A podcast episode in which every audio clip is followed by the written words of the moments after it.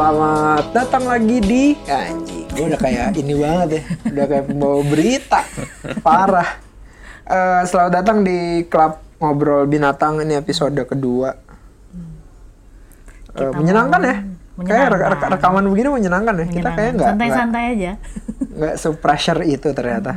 Mm-mm. Kita Wah, ngomongin soal Ada yang ngetok. Oh. Oh, Gojek. Gojek. Iklan Iya. ya Gojek. Anyway, ini iklan ya. Gimana sih? ya. seamless. Seamless, Eh, seamless. Tapi eh, satu hal yang dari episode pertama menarik dan kemudian sebenarnya udah direncanain sih. Cuman emang kesannya disambung-sambungin aja. Hmm, hmm, hmm. Eh, topik yang menarik adalah desain buku kali ya. Yes. Eh, kita di episode sebelumnya kita ngobrol tentang bagaimana interest kita secara personal bertumbuh dan segala macem. Tapi satu hal yang penting banget, gue inget waktu itu Wanda ngomong, gue orangnya judge the book by its cover banget sih. Yoi. Mm-mm. Meskipun gue baca isinya juga ya. Oh, oh, tapi itu kan, eh tapi itu trik-trik-trik oke loh di di di pemasaran buku bahwa lu Oh, kadang-kadang iya. punya cover bagus Iya. walaupun isinya butut. Hmm. Dan kalau Biasa banget tips-tips kan. buat uh, para desainer, ya lo harus bisa ngejudge uh, by the cover juga. Dan gak hanya covernya, tapi gimana dia dijilid, Iya. gimana dia dicetak. Oke, jadi oh kita perkenalan dulu kita Miss Nubitol nih kita. Saya Felix Das. Hmm. Saya Wanda Kamarga, Dan gue acung. masih konsisten ya, konsisten. Acung, bukan nama sebenarnya. nah, eh, salah satu hal yang menarik sebenarnya eh, ketika buku White Shoes gue terbit, yang menarik tuh adalah orang feedback yang masuk ke gue berkomentar tentang, uh desainnya menarik juga ya. Aduh, Padahal senang mendengarnya.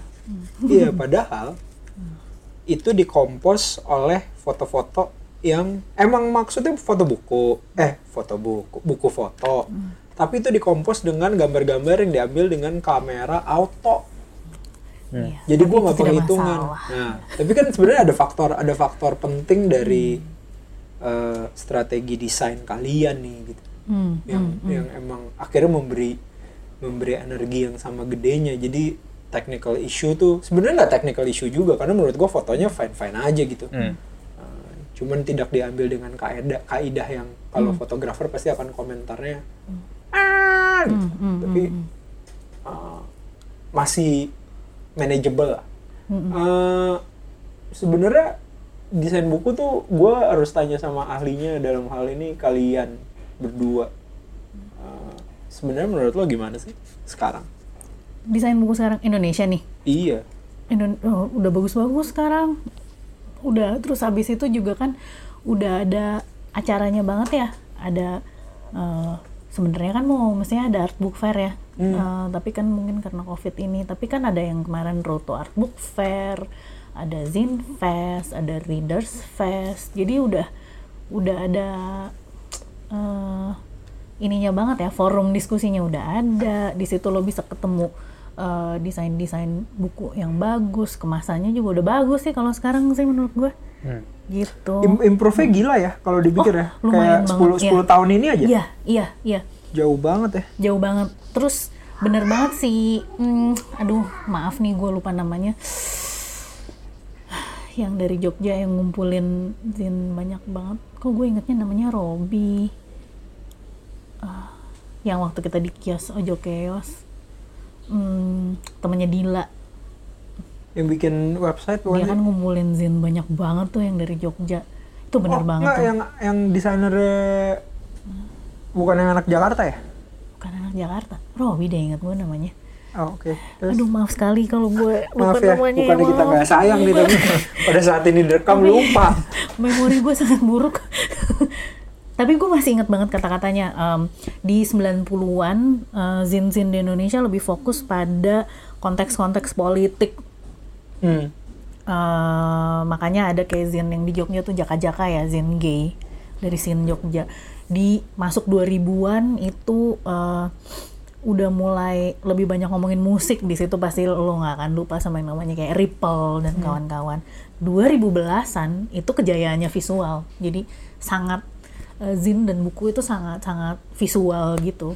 Ya gue rasa banyak faktor juga karena sekarang kita udah sangat melek sama Instagram segala ya pasti terdidik lah visualnya. Udah makin bagus gitu. Ya plus ngeprint juga digital print juga sangat mudah diakses ya, walaupun mahal. Meskipun kita bisa debat di situ kalau gue bukan aliran digital print. Oke oke oke oke. Tahu. Belum waktunya, belum waktunya. Gue juga mau mendebat masalah kejayaan aliran visual. Ya. Oke. tapi ini gue nge-quote ya, tapi maksudnya ada yang oh gue setuju, oh kayaknya udah mulai makin ke visual gitu. Hmm. Oh, tapi sebenarnya eh, di arus utama kan kita juga merasakan itu kan kayak Yes. buku-buku buku-buku. Eh, gue sebenarnya eh, salah satu buku yang mengubah hidup gue dan kemudian membuat gue pengen eh, bikin buku dengan begitu dinamis gitu pendekatan visualnya gitu. Karena kan gue editorial nih. Gitu. Ya. hmm. gue mungkin nggak seperti lo yang berpikir bahwa judge the book by its cover gitu. Gue bisa jadi I don't really care about the cover gitu. Eh tapi gue bukan artinya hanya beli buku yang covernya Ya, ya, bagus ya. ya. Tapi maksudnya kayak impresi pertamanya Impresinya kan. pasti gitu. gue lihat. Nah, tapi Eh, kalau tapi gue ingat banget dulu gue nitip sama temen gue Love is a Mixtape. Eh, Rob Sheffield yang nulis eh, hmm, belum baca gue. wartawannya. Eh itu Rob Sheffield tuh iya kan Rob Sheffield. Dia- dia, eh, wartawannya Rolling Stone. Jadi dia mengenang hubungannya dengan istrinya yang sudah meninggal lewat mixtape mixtape yang dia bikin. Hmm. jadi waktu itu kita masih di sini eh, lagu-lagu yang ini. Jadi kayak ada terus ada list gitu. Jadi kayak Sedih banget. Hmm. Wah sedih banget sih. Cuman akhirnya tapi gue ngeliat waktu itu desainnya dia keluar dengan eh, beberapa market berbeda. Eh, aslinya terbitan Amerika tapi yang gue dapetnya edisi Australia kalau nggak salah. Terus covernya beda-beda gitu kan. Hmm. dari itu tuh gue kayak ngerasain kayak wih gila buku tuh bisa dibeginiin ya. Iya. karena emang secara nyata kan eh, di episode sebelumnya lu sempet ngomong ya Cung ya. Sebenarnya tuh bukan masalah bukan masalah ketiadaan bahan, ketiadaan desain segala macem, cuman emang nggak disentuh tuh arah itunya tuh, eksplorasinya nggak nyampe gitu. Tapi kan kemudian penerbit-penerbit besar yang di Indonesia itu kebanyakan kaku kayak kanebo kering ya. Ya. Sebenarnya, ah, Iya nggak sih? Kita- Sebelumnya ya, ini sebelum sebelum 10 tahun belakangan Yes. ini gitu. ya kalau ngomong, ya selalu kan yang um, kan yang arus utamanya kan. Mm-mm. Kalau yang indie-indie mah dari dulu pasti Kalau udah selalu nyoba kalau kayak independen sih tikus got gitu, eh, pasti bakal hidup gitu. Eh, termasuk yang Nyali nyoba-nyoba. iya, termasuk yang kayak fotokopi. Iya. Eh, gue ada satu eh, di Bandung Zen Fair terakhir eh, 2018. 18. 18 ya, 2019 nggak ada kan? Ada nggak sih? Yang di Gudang Selatan tuh apa? 18, 18. 18 kan? Iya, Nah, 18. anyway, gue dapet satu zin dari Pontianak gitu. Hmm. Jadi dia cerita tentang kotanya dia gitu. Wah itu keren banget menurut gue. Penting untuk lo ber- berbicara tentang lingkungan lo ke publik yang sama sekali nggak tahu gitu. Hmm. Hmm. Tapi covernya, buset deh. Ini kayak, ini bro, nih nggak ada tukang fotokopian yang lebih bagus nih. Kasih. Kayak maksudnya lo punya barang bagus gitu loh. Lo punya barang bagus tapi gini amat. Padahal nggak susah juga gitu. Fo- Fotokopian bagus kan ya sekarang ada di mana-mana juga. Kalau menurut gue hmm, mungkin sedikit nggak nyambung dikit sih. Tapi kalau gue ngelihatnya eh, lagi banyak studio-studio desain yang suka sama buku gitu loh, Hmm. yang peduli sama gimana Iya. Si cover buku ini atau eh, layouting booknya ini jadi bagus. Ini Terutama menjawab pertanyaan kenapa sekarang bagus-bagus kan? Heeh. Hmm, hmm. kayak apa? Udah dilihat lah opsi ini ya. Hmm, opsi udah. eksplorasinya gitu. Hmm, kayak ba- studio-studio which is yang menurut gue teman-teman kita juga sih yang uh, peduli banget sama ah buku tuh harusnya kayak gini loh. Apalagi kalau yang dia suka sama isinya dan dia percaya banget sama bukunya gitu. Soalnya kalau kayak kita kita nyeritain dikit tentang Binatang Press. Sebenarnya di belakang Binatang Press ada uh, 1984 kan, which is itu yang uh, uh, lebih ke uh, lebih banyak di desain dan karena kita peduli banget soal uh, good design kayak gimana itu kita terapin di binatang press gitu. Iya, tapi kayaknya em, ya gue sih nggak mau GR sih sebenarnya kalau dari kita di desain masih banyak lah yang bisa diimprove lah ya desain di Indonesia. Tapi gue juga ngelihatnya dari desain, soalnya gini, editorial design itu salah satu bukan yang gampang, salah satu yang susah kalau Hmm, di di graphic design.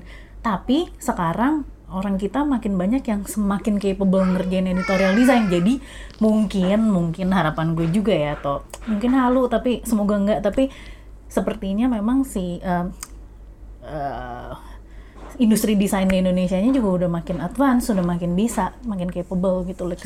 Saya editorial design itu gak gampang loh. Lo harus nguasain nge-layoutnya, tipografinya, lo harus baca dulu semuanya, lo harus ngerti konteksnya. Itu bukan kayak lo ngedesain sosmed ke situ lagi.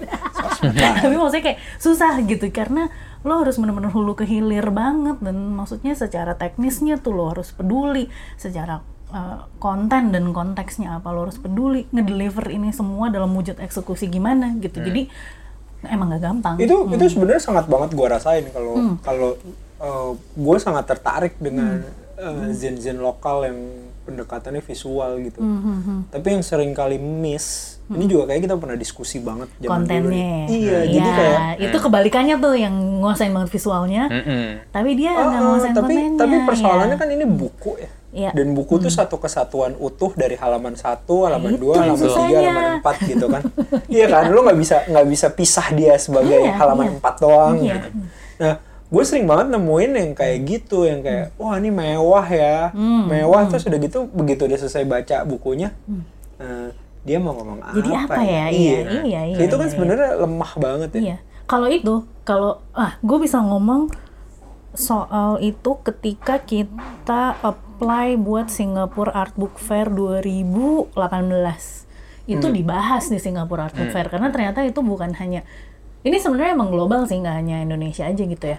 Akhir-akhir ini memang kalau kita ngomong kenapa uh, buku di Indonesia makin bagus gitu, secara global itu ya lo kalau lo sekarang lo ngomongin apartemen tuh, lo ngomongin monokel segala, memang 10-15 tahun terakhir print design dan buku itu makin bagus worldwide gitu.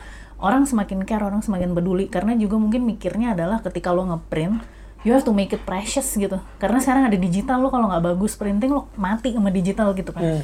Nah tapi memang jadi ada yang sangat visual driven, execution driven, kontennya nggak ke deliver gitu. Itu diomongin banget waktu gue ikut Singapore Art Book Fair Mahal itu. doang bukunya. Iya, dan sialan. makanya waktu itu dasar kuratorialnya Art Book Fair, eh, Singapore Art Book Fair tahun itu adalah dalam bahasa gampang gue gini ya, gue nerjemahinnya dia ngomong, eh, gue tuh baca loh semua buku-buku. Gue sangat memperhatikan buku yang lo bawa itu apa. Ada message-nya Oh, atau ini enggak. si- si, si, si, hmm, aplikantnya maksudnya. ah, panitia Singapore Art Book Fair-nya something like that lah. Gue nge-rephrase lah, tapi intinya dia ngomong ya itu. Kalau misalnya em, cuma kasarnya, kalau cuma visual-visual aja bukan artinya gue langsung mau loh, gitu. Hmm. Gue mau tahu nih lo apa yang lo omongin, stance lo di mana sih, editorial point of view lo di mana sih, gitu. Itu kan juga penting banget ya. Iya. Kayak gitu.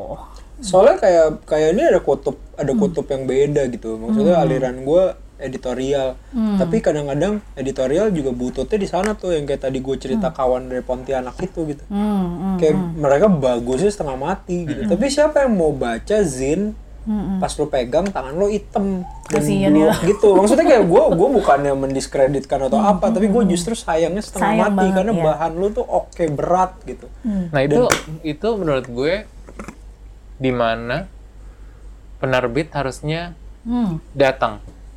Itu di mana eh, tugasnya penerbit untuk acknowledge itu Hmm. dan membantu si penulis itu untuk gimana caranya nge-represent bukunya atau zinnya lebih proper gitu Iya. menurut gue Lex. Hmm.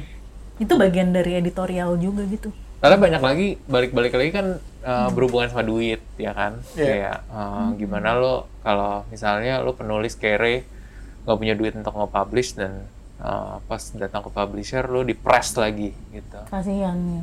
Dan kadang-kadang yang dihasilin juga bukan sesuatu yang uh, apa? Bukan sesuatu yang udah diimpi-impikan sama si penulis gitu. Hmm. jadi nggak ada yang win deh. Sebenarnya kalau kalau gue ngerasa eh, improvementnya tuh di arus pinggiran sih. Salah satu salah Hmm. satu genre yang juga menarik buat gue pertumbuhannya secara genre itu adalah eh, penulis-penulis bola lokal gitu. Hmm. Yang Wah. yang basisnya adalah klub lokal. hmm. Jadi ada tentang PSS Sleman gitu. Gue ada belum tentang. Lo kapan-kapan harus kasih lihat gue, Lex. Iya, pernah bahasannya, lihat gua kalau bahasannya bola-bolaan. Hmm. lo akan nemuin eh, atau Zan RS bikin buku gitu. Sebenarnya Hmm. Dia penulis bola ini punya punya segmentasi sendiri gitu dan Hmm. mereka rata-rata refleksinya ke ke sepak bola lokal Indonesia. Hmm. Menurut gue karena mereka juga independen Hmm. dan geliat di akar rumput tuh kan juga juga ini ya spirit kolaborasinya tuh gede Yes. banget kan. Misalnya kayak gue nih, gue nggak punya jujur aja waktu itu yang gue lakuin ke Binatang Press adalah gue punya cerita bagus kayak eh, White Shoes belum pernah dibahas belakang layarnya seperti apa ketika mereka tour. Jadi kita tuh di Indonesia cuma tahu White Shoes main di sana. Kan ada ada suatu masa dalam karir mereka di mana mereka keliling dunia gitu. Ya, Mereka main di sana, main di sana, main di sana. Tapi menurut gua kayak ceritanya apa? di sana ngapain Iya. sebenarnya lu lu apakah lu membenamkan diri lu dalam eh, pengaruh kolonialisme yang penting main di luar negeri lantas lu Iya. jadi sukses Kan nggak juga gitu, gitu ya. lu harus lu harus mendukung mereka karena lu tahu apa yang mereka lakukan dong gitu. Betul. dan akhirnya gue mengambil porsi itu dengan gua waktu gue ikut ke Darwin gue dapat kesempatan itu gitu Hmm. Dan pertanyaan pertama setelah gue tahu gue punya cerita yang menarik adalah ini siapa ya yang bisa yang bisa ngebantu gue untuk leverage story-nya gitu. Eh, dulu gue sempat berpikir untuk ngerjain sendiri, tapi kemudian enggak ini bukan forte gue nih. Hmm. Desain tuh bukan forte gue, karena gue cenderung eh, terserah deh mau lo apain gitu. Karena gue gue kayak ngebelain isinya gitu Iya. sebagai penulis itu lebih ekstrim di musik Jakarta menurut gua yang beneran gua udah lepas sama John sama lo gitu kalian gitu tapi si binatang tuh kan kemudian eh, karena punya konsentrasi yang sangat gede di persoalan desain yang gue menarik gue bahkan norak ketika kita ganti desainer waktu itu ya. dari Jona ke oh L. ya, ke L. Karena waktu going south itu eh, tim gue di eh, Jona kan. Eh, terus waktu gu- eh, musik Jakarta L. Eh, tapi maksudnya sebenarnya waktu Shoes itu kan emang ada eh, ganti orang gitu di tengah. Tapi yang Oh, yang iya, iya. amaze buat gua adalah nafasnya sama. Oh. Menurut gua itu pakai ilmu tuh. Oh, Ilmunya iya, iya. Wanda itu. iya kan? Maksudnya pakai itu pakai namanya project. creative direction Eh, makanya makanya gua gua kayak norak banget gitu tuh malah kayak oh bisa ya kalau orangnya ganti directionnya tetap sama tuh bisa ya Sebenarnya kan- itu kalau itu analoginya itu mm, restoran Lex. Heeh. Ada chef, head chef, ada sous chef dan chef lain gitu. heeh. kenapa pentingnya di di design house uh, di tempat desain ada creative director itu dia head chefnya gitu loh Hmm. ya kalau di sini head chefnya ya gua sama Ajung sekarang ada Taja yang bantuin gitu kan Uh, su- uh, tim chefnya ya tentu kita yang milih tapi gue udah jagain maksudnya semuanya masih yang di dalam apa ya istilahnya ya, Koridor. uh, range-nya kita lah ya maksudnya masih satu spektrum lah sama kita. jadi untuk handover dari Jona ke L itu karena Jona sama L basically masih di dalam satu spektrum yang sama tuh spektrumnya gue sama Iya. Acung gitu. Jadi oh eh, handovernya jadi berasa smooth juga. Itu Iya. yang pertama. Yang kedua juga kan kalau desain ada beda sama art gitu kalau art itu udah udah tangan orang nih nggak bisa kalau di situlah gue selalu percaya desain itu nggak sama sama fine art gitu ya kalau di di desain itu kan ada guidelines-nya, ada pakemnya. Oh, kita konsisten pakai font ini ya, kita konsisten pakai itu ya. Jadi bisa. Ya, soalnya pas going south itu juga di terakhir-terakhir udah L ya. Eh, Udah L yang ini Jono desain. Finalisasinya udah. L. Kayak gitu. Jadi lebih di situ sih. Dan kalau menurut gue ngiket itu satu dari creative direction, kedua emang desain ada ada ada pakemnya lah cara ngerjainnya tuh ada protokolnya. Tapi yang terakhir adalah ya mau gimana juga itu kan tetap aja tulisannya elu nggak ganti yang nulis. Terus ceritanya tentang siapa tetap tentang white shoes gitu. Kayak gitu. Dan gue punya kecenderungan kalau gue lagi ngedesain sesuatu apalagi kalau misalnya kayak white shoes kan ada musiknya. Ya gue dengerin musiknya. Itu bagian dari tadi memahami iya dong. si ya editorial kebetulan gue dari dulu dari- dengerin white shoes Iya. juga ya tapi maksudnya gue milih banget gitu. Dan maksudnya gue punya spesifik. Kalau misalnya buku itu dijadiin soundnya white shoes yang mana tuh gue tau banget Lex itu gue dengerin tam-tam buku. Hmm. soundnya itu eh, tam-tam buku gitu loh. Ya gue nggak tau lah eh, apa itu mungkin dari pribadi di di kepala sama di kuping gue tapi kayak gitu banget. Nah ini kan tapi desainnya. tapi kan back sebenarnya gue mau relate ke ini kan lu pakai ilmu ya, Mm-mm. Pakai ilmu keilmuan gitu. Tapi Ilmu. eh, ilmu. Ketika gue ngerjain musik Jakarta masih anjing John Nafit itu, gua Pasti itu lu musiknya anjing, dengerin juga anjing dong. tuh tanda sayang gue sama dia. ya ya tapi pernah ada satu pernah ada wawancara Soleh Solihun gitu. Mm-mm. Itu gue sendiri. Lo tau gak yang dia lakuin? Hmm. Pas mau, ayo motret John. Mana dulu sini, kirimin interviewnya. Lu Oh nggak iya bisa, dong, lu nggak benar, bisa benar, lu iya. wawancara nggak ada guanya. Iya iya Kita iya. kerjanya dua kali. iya iya iya Terus gue yang kayak, kenapa gue gitu nih kan? dia pasti mau denger interviewnya Nggak lu bisa, gue mesti dapet feel-nya kan. Benar, Jadi benar, kayak gini, benar, wah terus gue yang kayak, wow, oke. Abisnya waktu itu sejak ngerjain soleh itu Hmm. nggak mau gue wawancara sendiri karena jadi dua kali kerjanya Iya. gitu. iya iya Ya, tapi iya. kan sebenarnya riset itu adalah faktor penting untuk lo mendapatkan feel gitu. Yes. Jadi ini- ini kalau dalam pengalaman pribadi gue udah dikonfirmasi dari pakai ilmu sama nggak pakai eh pakai ilmu sama intuisi gitu. Yes. Dua-duanya memerlukan hal yang sama. Yes. Dan itu nyambung ke omongan Ancung di episode sebelumnya sih kayak ini yang penting chemistry gitu kan. Hmm. Nah, makin chemistry-nya jalan, makin dapet nih risetnya lebih mudah, Lix. Hmm. Kalau chemistry-nya jalan, pendalaman materinya tuh lebih gampang gitu loh. Hmm. Kalau lo kurang kenal gitu kan lo juga mungkin jadinya apa ya? Ah, memahaminya cuma terpaksa aja kali gitu loh. Iya. Kayak gitu.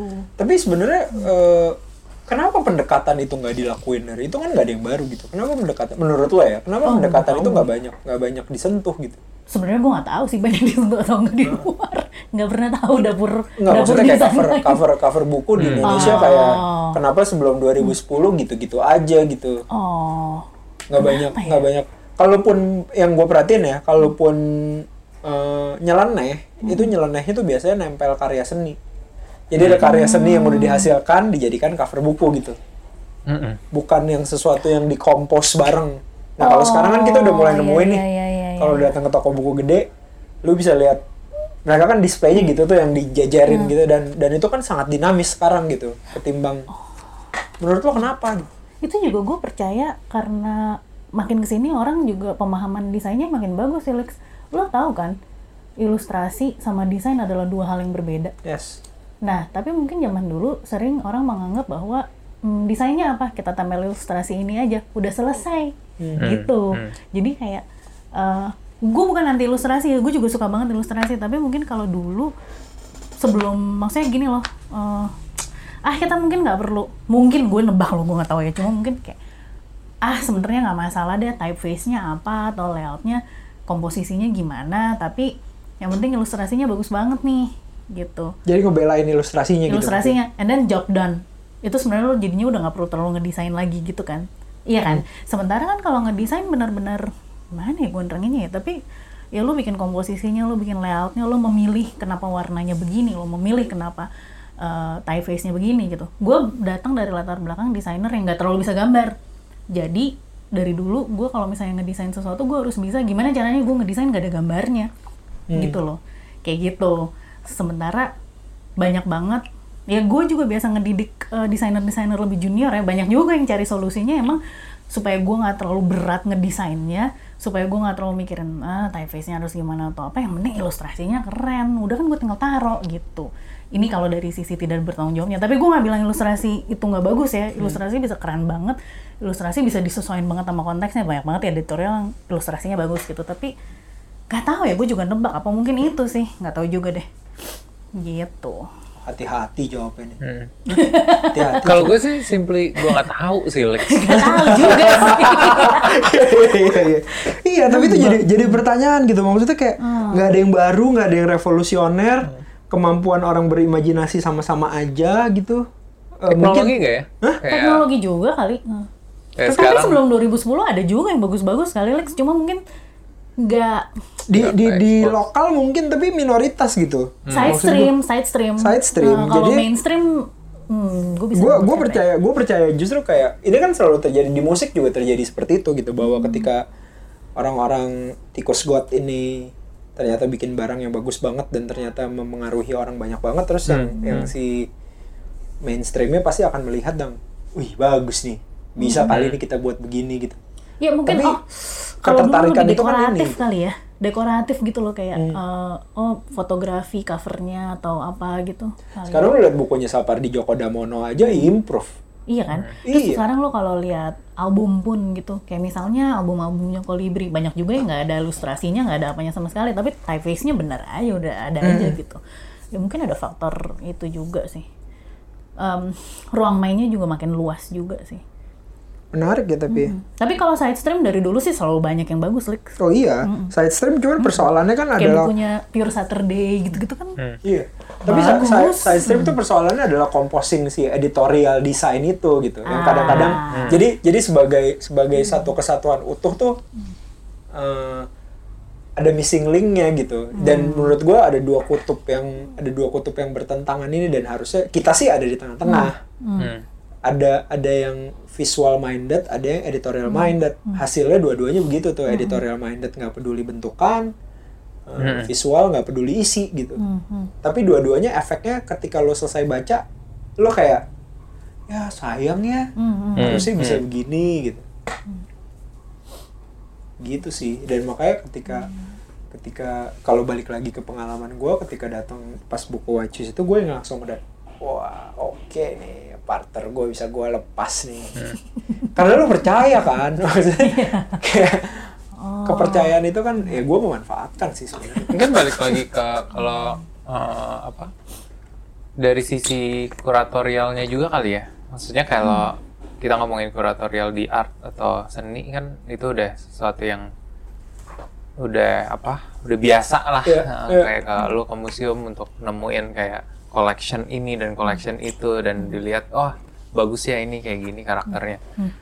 Kalau gue ngelihatnya di kayak kita di binatang press kuratorial kita sangat Editorial gitu ya. lumayan kencang sih. Maksudnya bukan berarti eh, apa eh, apa ya kalau kuratorial di binatang press based on apa itu gue sama Wanda pun eh, sering mempertanyakan tapi kalau gue ngelihat gue suka banget eh, konten bukunya gitu kayak Iya. isi dari buku itu mau nyeritain apa ngasih feeling ke gue apa gitu itu tuh Nah, iya Nah. itu sih. Nah itu menurut gue itu nomor satunya. Nah gimana gue mau ngemas si buku ini yang gue suka itu Kalau udah tahu kontennya. nextnya yang itu jadi tugas gue di Binatang Press. gitu. Iya. Tugas kita lah di Binatang Press gitu. Makanya eh, apa? Menurut gue kuratorialnya itu sangat penting sih. Iya, Gimana Iya. gimana itu itu kan proses ininya gitu-gitu. Oke, itu kan proses yang terjadi sebelum ketika baru ngobrol ya. Yang kita tahu ini barang mau diapain ya. Oh tapi ada faktor ini sih, like, misalnya nih ya, berapa kali ada kejadian satu pasti chemistry penting juga, tapi ada juga misalnya kayak oh pas ngobrol masuk-masuk aja, tapi dia datang tuh, eh gue mau bikin ini dong, tapi belum ada materi apa-apa, jadi kita juga nggak bisa ngelanjutin karena kita belum, jadinya nggak punya pemahaman atau pendalaman apa-apa, jadi kayak iya tapi sebenarnya mau disampaikan apa? Gitu, mungkin perbedaannya waktu lo datang ke kita udah ada manuskrip udah ada draft tulisan gitu loh jadi kita udah kebayang banget nih oh gini tulisannya. Oke gue kebayang. Mungkin nanti kira-kira dikemasnya seperti ini. Gitu. Iya. karena ya ya gitu yang ngebedain ya, banyak orang datang gitu ya. Orang datang dan pergilah ke tempat kita. Ada yang datangnya udah lebih lengkap. Ada yang datangnya masih baru ngobrol-ngobrol gitu. Kalau yang masih baru ngobrol-ngobrol ya paling gue nunggu aja sampai gue bisa lihat kontennya gitu. Karena kita jenis desainer yang kalau kita mau bikin sesuatu gue harus punya pemahaman dulu nih gitu. Kontennya apa? Gue harus research dulu gue harus tahu Soalnya dulu gitu. sama kayak lu sih Lex kayak kalau gue uh, pakai topi desainer gue gue bukan penulis. Kan gue nggak bisa kayak ah, Mereka-reka. gue suka banget. Ide lu terus gue tulis aja. Terus gue bikin gitu. Iya. itu ranah lo gitu. Jadi jadi eh, apa? Ya kadang-kadang sering juga ya kayak kejadian nih eh, apa? Ada eh, siapa datang teman kita misalnya kayak ceritain projectnya kayak oh gue pengen nulis tentang ini yang menurut gue wah itu gue udah bisa bayangin tuh secara desain kayak gimana kayak oh ini bisa desainnya kayak gini kayak gini dan pengaruhnya ke uh, yang membaca tuh akan seperti apa sih gitu. Gue suka banget buku-buku yang yang kayak oh ngenalin lo lagi siapa core lo atau apa uh, da- asal lo dari mana gitu nah uh, kadang-kadang kayak gitu pun uh, kalau belum ada tulisannya sangat disayangkan gitu loh. Kayak Iya. aduh gue pengen banget bikin buku itu tapi nggak ada tulisannya gitu. Angan- angan-angan siang bolong tuh Oh, jadi itu bisa gue juga bikin desain bagus tapi kalau nggak ada dalamnya. Tapi tapi apa kabarnya? Apa kabarnya Anthony Smile yang tiba-tiba datang bawa setumpuk catatan personalnya dia Tetap konten dong itu. Anton nggak ngawang-ngawang dong. hmm. Dia tetap bawa itu semuanya segala macam ya itu. dia eh, manuskrip dia ka- bukan tulisan tapi artwork gitu Artwork. Oh, oke jadi Anton tuh lucu juga pas datang ke kita itu dia datang dia bawa lima sketchbook dia yang Dan dia akan datang sebentar lagi yang membawa tebelnya yang kayak baru. tebelnya 5 cm Lex kebayang lo terus dalamnya benar-benar eh, apa? Campuran antara lukisan tulisan coret-coret foto dan collage hmm. datang terus eh, kita ngobrol lah dan gue kan udah kenal Anton dari dulu. Jadi pas ngobrol dia bawa semua ini gue pengen sudut pandang lu dong sama karya gue. Gitu. soalnya biasanya kalau gue bikin buku berdasarkan gue jadinya terlalu deep gitu. Nah itu yang lucu sih yang kayak dan itu eh, gue dan tim merasa terchallenge untuk ya udah coba gue proses dan kalau kita sebagai desainer dan kita suka sama karya lu gue mau bikin ngebelah-belah karya lu jadi kayak gimana? Iya. Makanya waktu Utai datang dengan berbagai macam, Utai suka nervous sampai sana, tapi gue belum rapi gini. Tapi sebenarnya dia similar sama Anton, makanya sebenarnya gue kayak anytime Utai datang bawa macam-macam catatannya itu kayak, oh kita udah pernah nih ngerjain yang kayak gini sebelumnya. Karena orang kan ada yang di kepalanya berpikirnya tulisan ada yang visual banget kan. Kayak Anton, gue tebak mungkin Utai juga kayaknya. Kalau Anton tuh gitu banget gitu. Iya. Kemarin baru beberapa hari yang lalu dia datang ke sini dia udah bilang, eh Ton, udah habis nih visual diary satu, gimana lanjut nggak nih? Ayo, lo ada ruangan kosong nggak? Gue ngasih, wah lo mau berapa, bawa berapa banyak? dia udah nanya iya, gitu, iya. ruangan kosong lo sebelah mana? wah kayaknya lebih banyak nih materinya dari yang sketchbook pertama. lu segede apa Ah, dua kali satu sih dua kali satu apa? Dia udah ngomong gitu. Gila. Iya gulungan-gulungan gitu. Wah, wah ini lebih gila tapi nih tapi yang kalau pertama. kalau kalau ketemu sama seniman kan begitu gitu ya tapi kalau misalnya kayak eh, ketika kalian bekerja sama dengan eh, orang-orang yang tumbuh di sekitar 1984 gitu misalnya kayak an auto fried chicken gitu menurut Iya. gue tuh itu satu satu ide yang wah anjing Nah, itu keren salah juga satu gitu. all time favorite semua orang. Iya kayak waktu itu kayak wah ini oke berat nih karena emang sebenarnya eh, kalau gua mau maknai itu distorsinya akhirnya jadi jadi luas ya bahwa ternyata kita tuh hobi ayam goreng. Dan ayam goreng tuh milik sekian banyak lapisan masyarakat gitu ya. semua semua semua bisa punya versinya dia gitu. Perasaan yang muncul di gua setelah bacanya tuh itu gitu. Hmm, jadi jadi ketika kalian eh, menggarapnya itu boleh cerita nggak ceritanya itu? Si Outfer itu itu lucu banget. Nah itu sebenarnya gue lagi mau ngerilis nih. Baru-baru ini gue ngobrol sama friend di zoom juga. Jadi nanti uh, bakal gue keluarin juga di Instagram gitu. Tapi ya sebenarnya sebenarnya Fran tuh sebelumnya udah ngeluarin Zinlix yang tentang si Maya itu. Ini dengan bangsatnya dia kayak ngambil satu profil di Facebook orang gitu absurd banget. Terus habis itu dijadiin zin.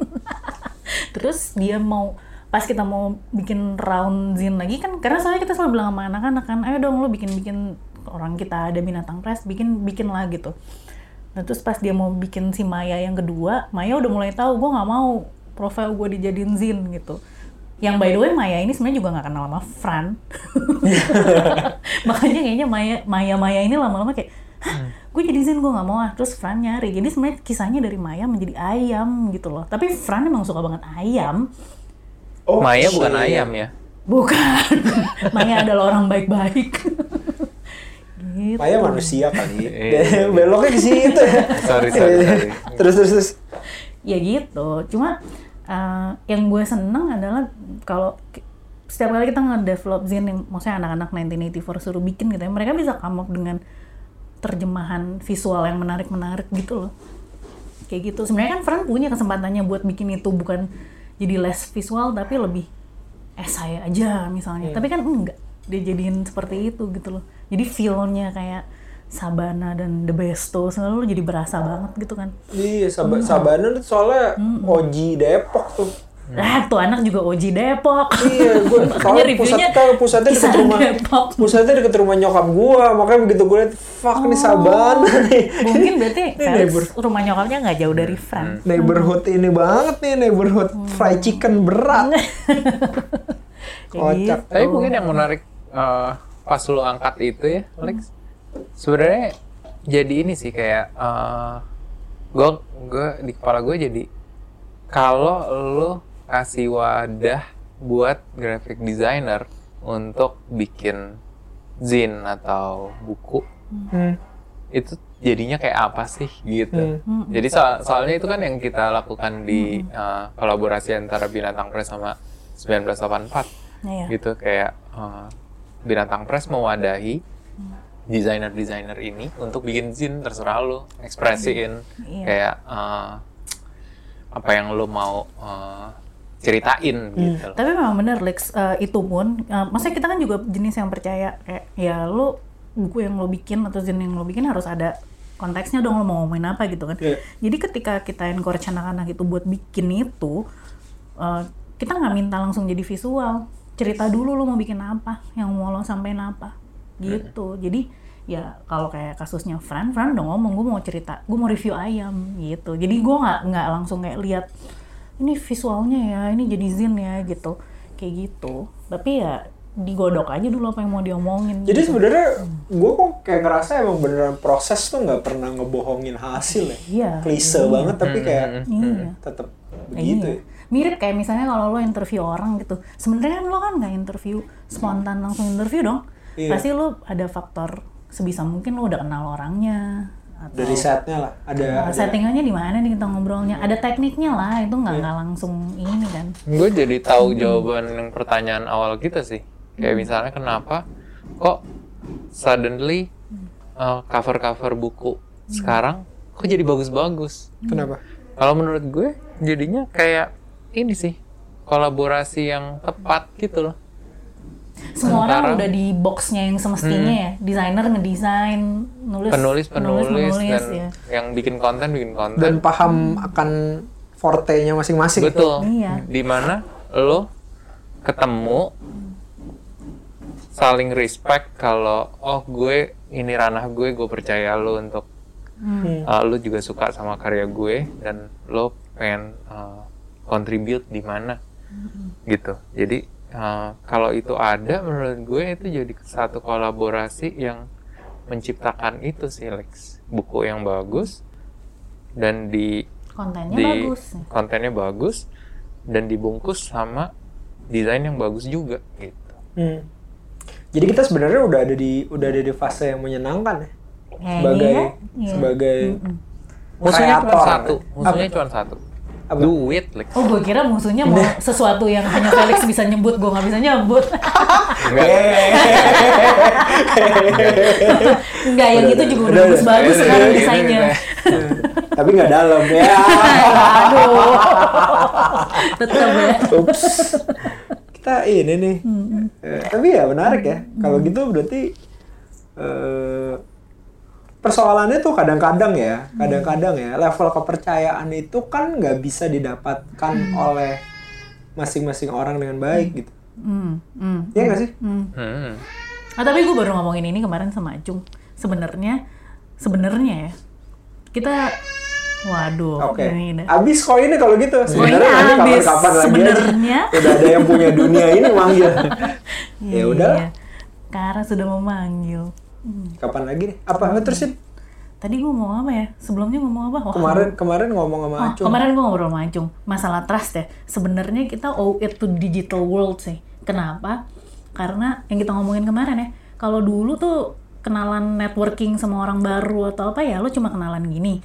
Emang enaknya bisa ngobrol, tapi kalau sekarang disupport sama kayak terus nanti lo lihat sosmednya lo sadar nih, oh dia temannya si ini, oh temannya si ini, oh, enak dong kita udah gambar nyambung. gambar jaringannya lebih Gambar gede. jaringannya kan lo lebih langsung Komunitasnya kayak gini. dan ternyata orang Indonesia peduli banget sama itu. Lo pasti peduli dong kalau kenal sama orang, nih orang temennya siapa atau dapat dari mana? Gue gue Google kok kalau Google misalnya kan, iya begitu dong. Hmm. begitu gue ketemu sama orang terus orangnya menyenangkan terus kayak Hmm. wah gila nih oke juga ya gue Google kok Google maksudnya dan maksudnya seenggaknya di sosmed, oh dia hobi ini juga. Jadi sebenarnya apa ya? Ngobrolnya masih di- bisa diterusin dalam wujudan ya nggak ngobrol langsung gini, tapi kayak wah next time kita kalau ketemu bisa ngobrol ini ini dong atau kayak oh dia suka makan ini juga next time kita bisa makan bareng di sini nih gitu. Jadi ngebantu sih. ya udah menarik eh basi banget menarik menarik Menarik gue. udah habis koinnya tuh dipanggil koin habis. sama yang punya dunia Oke deh, ya sudah sampai ya. sampai jumpa Sampai- di eh udah jangan belum dulu dimatiin dong Oh jangan dulu, oke sampai jumpa dulu ya. iya dong lu harus membiasakan maklum ya kita nubitol jadi harus oke sampai jumpa di edisi berikutnya klub ngobrol binatang dah Bye bye. Ya.